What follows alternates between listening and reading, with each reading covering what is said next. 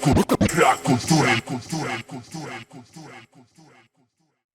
Siemanko, tu Matt, podcast Rap Matters. Dziś po raz drugi wracamy do roku 2011. Tym razem opowiem Wam o tym, czym żyło podziemie. E, W tym roku 10 kawałków przed Wami, w zasadzie 10 albumów, bo troszkę szerzej e, o nich opowiem i inaczej troszkę podszedłem do tematu i przyznam, że bardzo ciężko było mi wybrać e, 10 podziemnych kawałków, więc bardzo możliwe, że e, czeka Was też część druga tego odcinka, dlatego że 2011 był bardzo obfity, jeśli chodzi o porządne produkcje z podziemia. E, zaczynamy. E, od ślizgowych bangerów do bycia podziemnym raperem numer jeden e, i szybkiego, szczególnie jak na tamte czasy, kontraktów prosto.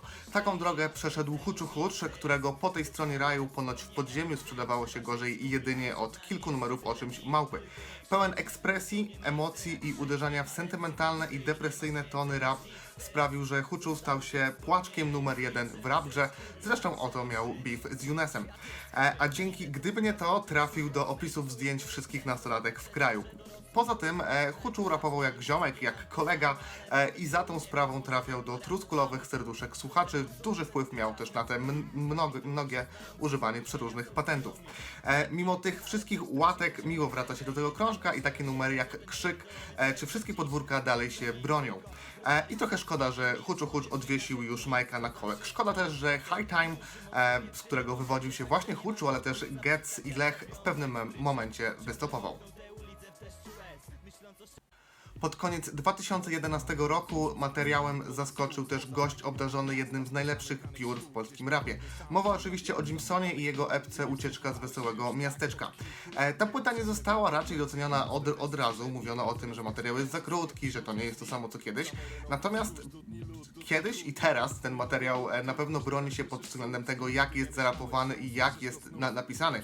Zwróćcie uwagę szczególnie na wejście bez strachu. To jest abs- absolutny majstersztyk. E, Zwięzła epka napakowana treścią i to prawdopodobnie jeden z najbardziej niedocenianych albumów w polskim rapie. Pamiętacie, jak zaczęła się wasza przygoda z rapem? Zastanawialiście się kiedyś, co by było, gdyby nie rap i w ogóle co sprawiło, że wybraliście właśnie ten gatunek? Jeśli nie, to zrobili to za was Orzeł i RDI jako projekt na słuch w kawałku e, Music Make My Life. Dwa lata później ten kawałek doczekał się teledysku, w którym znajduje się śmietanka szczecińskiej sceny, e, a zarówno kawałek, jak i cała płyta warta jest przypomnienia i niestety, ale rest in peace Orzeł.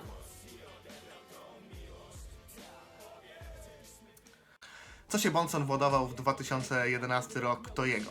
On co prawda nie był wcześniej bardzo anonimowym raperem, bo wydał już całkiem dobre epki, ale dopiero historia po pewnej historii na bitach Matka narobiła ogromnego szumu.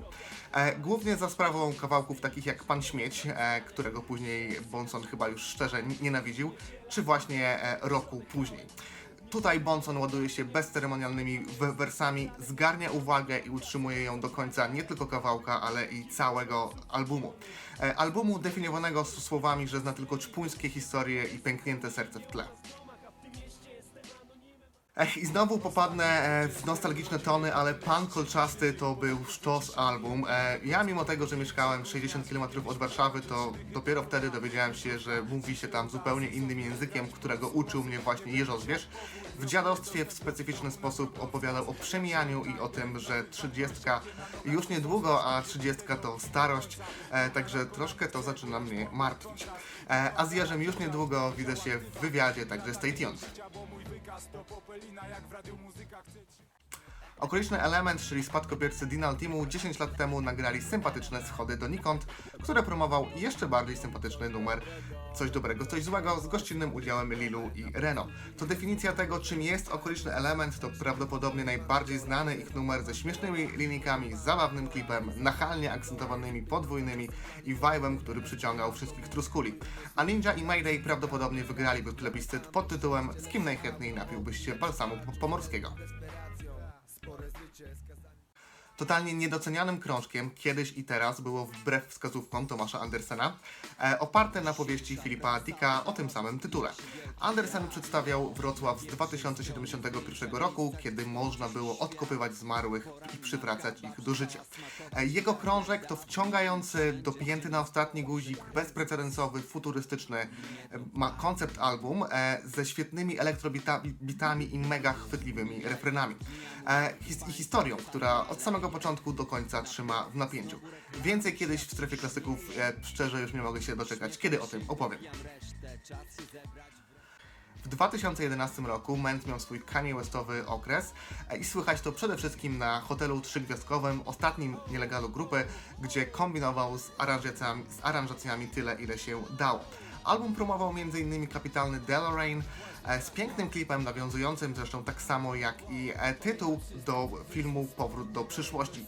Raz wspomina Farsight, Jaya, Slick Ricka, Randy MC czy Kanye Westa, tutaj też Ment sampluje Jesus Walks, a niesamowicie chwytliwe są też inne sample z, z Williego Hatcha i Carol Anderson, które sprawiają, że kawałek jest doskonałym i niestarzejącym się letniakiem. Apogeum truskulizmu Anno Domini 2011 to zdecydowany krążek bity Remy Weekend zespołu muzycznego Starszy Brat w składzie Skiboy, MLD i Kedyw. Niespieszny krążek, wolne tempa i rap z zajawki gości, którzy z gonienia za sceną już wtedy się wypisali, a przyszli pokazać tylko kilka swoich prawd, nie przejmując się zbytnio płynięciem po bitach czy rapowaniem pod publiczkę.